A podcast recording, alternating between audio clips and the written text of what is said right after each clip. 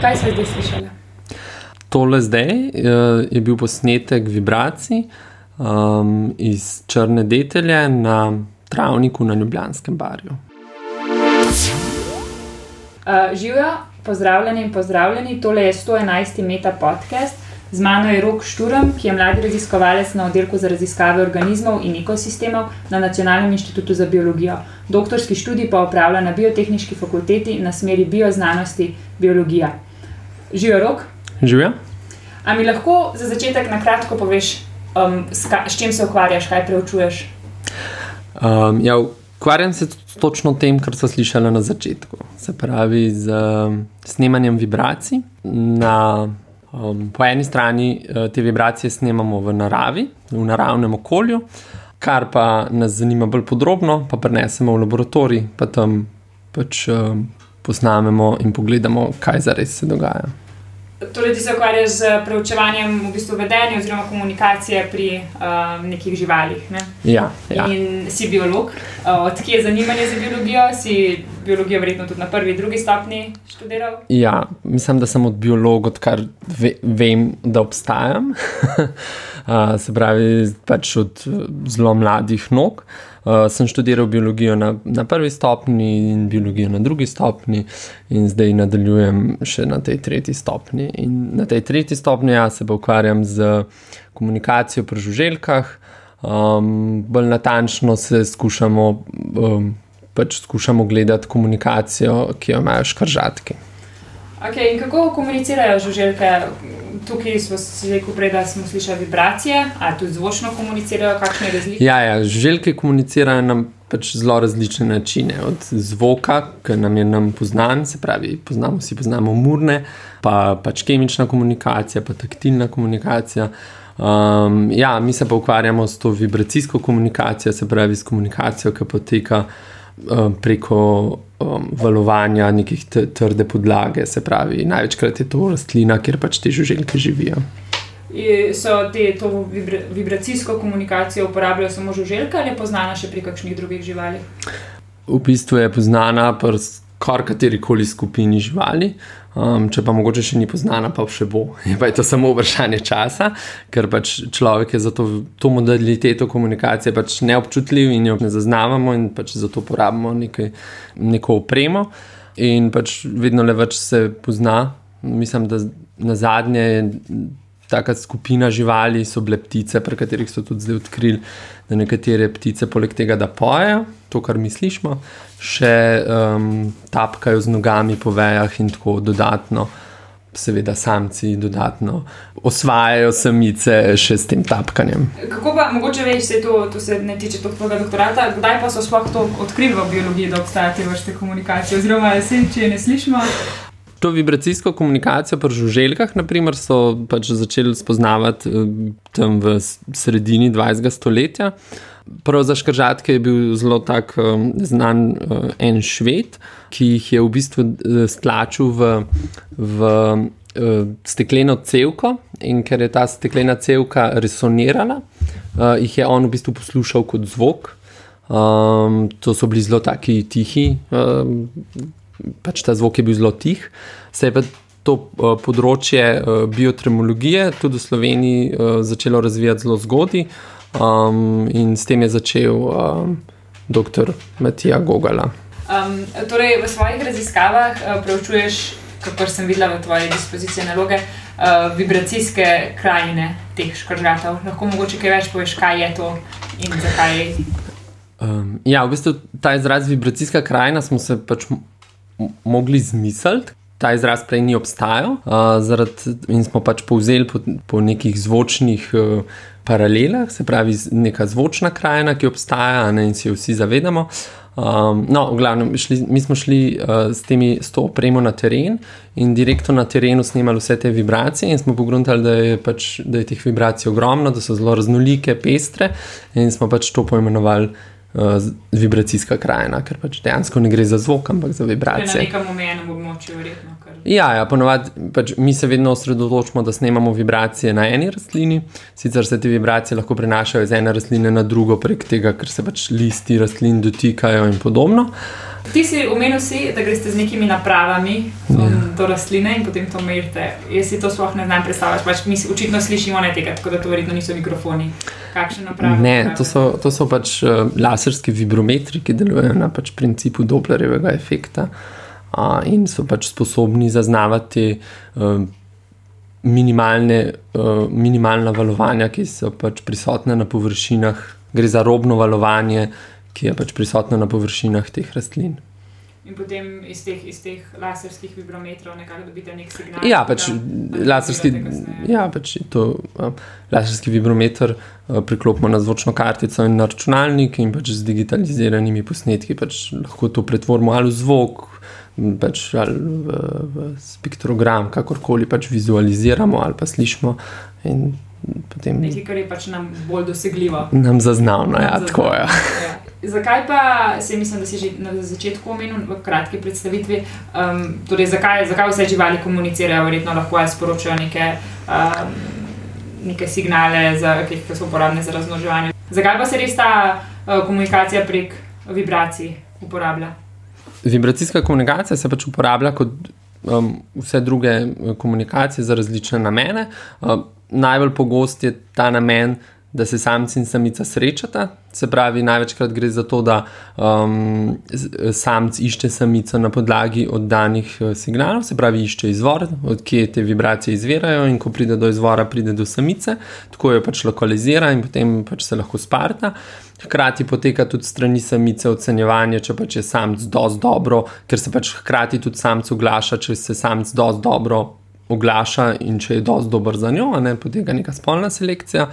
Pač poznani so pa pač uh, tudi drugi primeri, um, kot je recimo, da se uh, branjenje teritorija.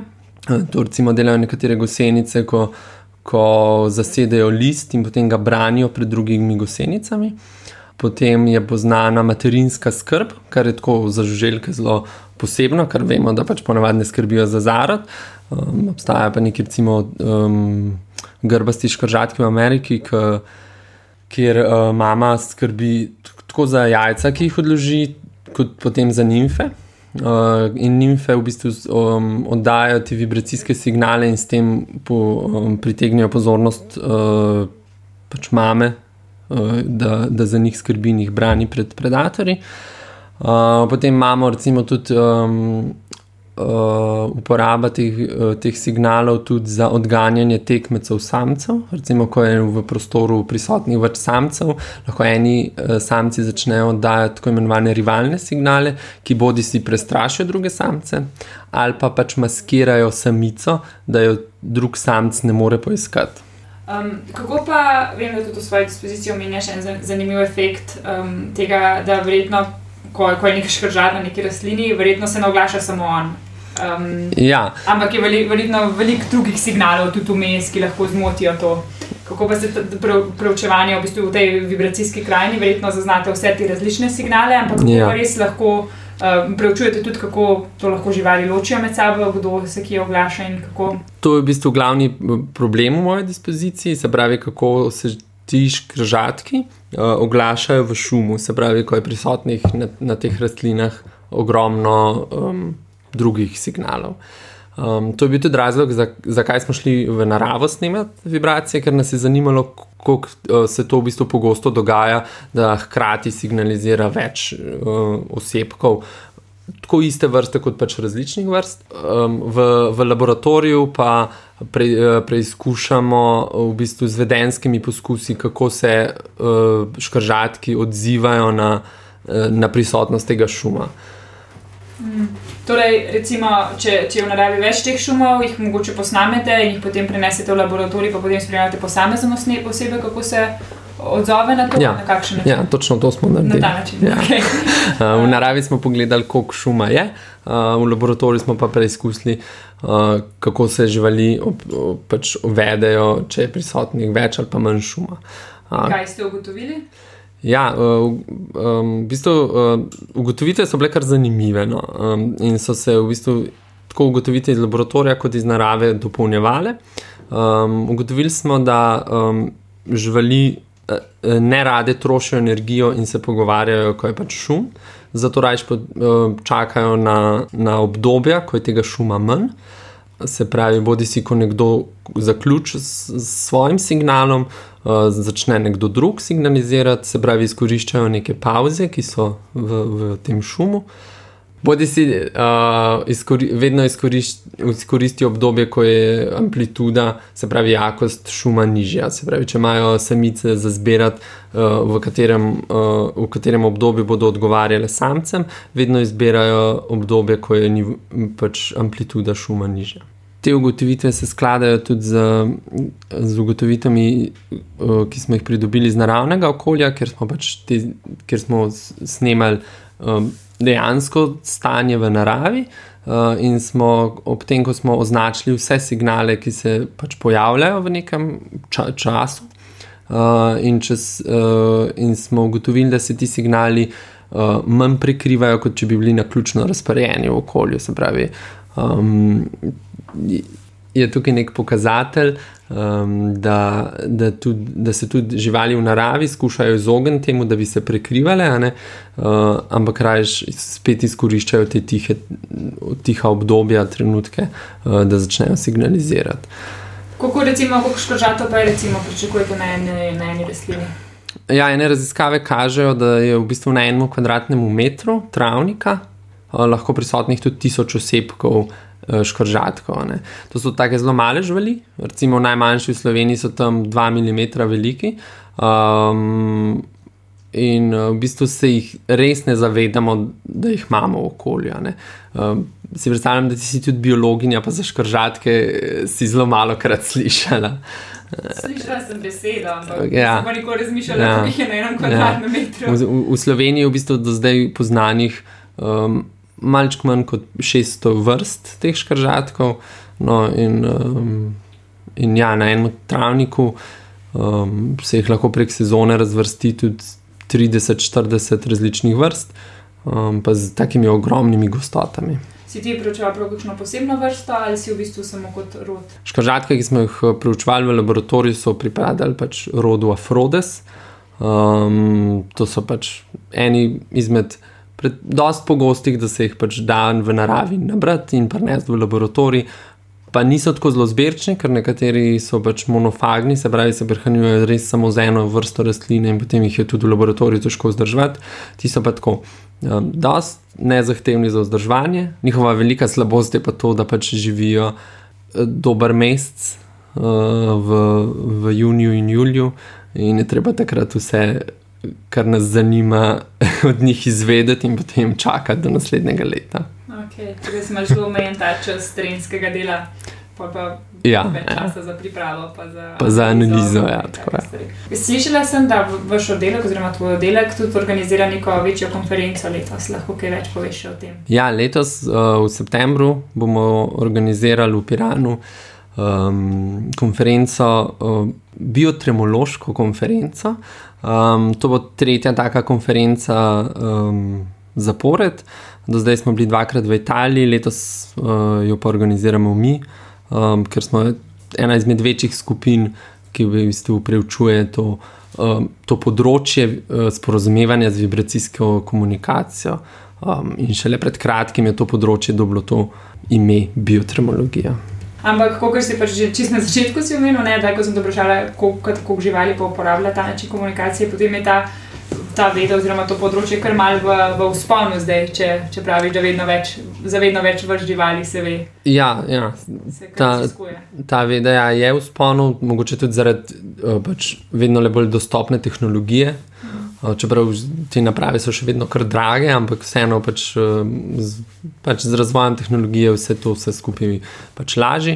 Zdaj, pač z, z sodobnimi računalniki si lahko privoščimo, da pač mi gremo in v naravi snemamo uh, cel dan in celo noč, medtem ko pač v preteklosti to zgolj zaradi količine podatkov ni bilo mogoče. Postaje bolj dostopno. Ja. Laži. Pač pa mogoče še zanimivost, da ne, recimo tudi sloni uporabljajo tak način komunikacije in tam komunikacija ni omejena na par centimetrov ali pa mogoče meter ali pa dva, kot pri žuželkah, ampak grejo ti njihovi signali, ki so res nizkofrekvenčni, lahko tudi nekaj kilometrov daleč in se na tak način um, sloni poiščejo. Um, zdaj smo pri drugem delu, kjer, sledi, kjer si, si od sedmih vprašanj zbral pet. Pa bo začela s prvim. Ali se spomniš kakšne zabavne ali zanimive anekdote povezane s svojim mentorjem ali mentorico, ali pa morda kakšne nenavadne, smešne anekdote, ki se je zgodila tekom tvojega raziskovalnega dela v sklopu doktorata? Uh, ja, glede na to, da ta doktorat delam že štiri leta in ga moram počasi zaključiti, uh, se je verjetno takih zgodb nabralo kar, pač kar nekaj. Um, in sploh, če pač so tvoje, tvoj objekt opazovanja živa bitja in to še žuželke, ki v bistvu raje skačejo, kot um, delajo karkoli drugega. Je bilo teh zgodb ogromno, ker smo jih iskali um, v vseh možnih kotičkih laboratorija, pod mizo, tako da smo se doskrat znašli pač v takih. Um, Pač vseh možnih položajih, tako da tega je bilo ogromno. Eh, kako so se od opisa do danes spremenila tvoja pričakovanja glede doktorskega študija in ali bi se ponovno odločil za doktorski študij? Um, ja, za doktorski študij bi se m, pač sigurno še enkrat odločil. Moja pričakovanja so se pač spremenjala na, pač, na vse možne načine. um, bi pa seveda, če bi danes to se še enkrat upisal, bi sigurno stvari, bi marsikšno stvar naredil drugače, ampak tako pač je. Proces učenja tekom doktorata. Točno tako. Kaj boš počel čez pet let in kje se vidiš čez 40 let? Uh, Pre, predvsem upam, da bom čez pet let še vedno imel možnost pač raziskovati um, te um, male ži, živali um, in pač njihovo vedenje. To bi mi bilo kar uh, v redu, ker se mi zdi, da sem zdaj. Um, Da sem jih tako spoznal, da me zdaj samo še bolj zanima, kaj počnejo. Čez 40 let, uh, pa tudi upam, da bom še vedno lahko raziskoval te zanimive živali. Um, priporočilo za knjigo, igro, film, spletno stran ali podcast. Um, ja, um, za knjigo bi, bi priporočal katero koli knjigo od uh, Voneguta ali pa recimo The Song of the Dodo, katere avtor je David Quamen. Ok, imaš še za druge stvari. Ja, mogoče še za, um, če je komu dolg čas, ali pa če, če je kdo um, kdaj možgansko utrujen, gre lahko na spletno stran guessthecorrelation.com. Uh, in, in tam lahko zapravi neki uh, minut ali pa ur svojega časa. Koga od nam znanih ali ne znanih bi povabil na večerjo, če ne bi bilo nobenih omejitev? Ja, z veseljem bi povabil, uh, oziroma bi šel na večerjo s kakšnim um, uh, znanim biologom, mogoče tudi z Darwinom, ali, pa, um, ali pa recimo z Jane Goodall. Primatologinja. Ja. Ok, hvala, Rok. Hvala tebi, Zarja. Poslušali ste Meta podcast, v katerem se pogovarjamo z mladimi znanstveniki in znanstvenicami z različnih področji znanosti. Podcast domuje na spletišču metina.si, kjer najdete tudi druge zanimive znanstvene vsebine. Naše delo lahko podprete z donacijo Metini listi, pohvale, pripombe in predloge lahko posredujete po e-mailu znanost.afna.metina.si. Dobrodošli so tudi komentarji na Facebook profilu Metina Liste in na Twitterju Afna Metina Lista, kjer uporabite hashtag MetaPodcast. Se slišimo čez 14 dni.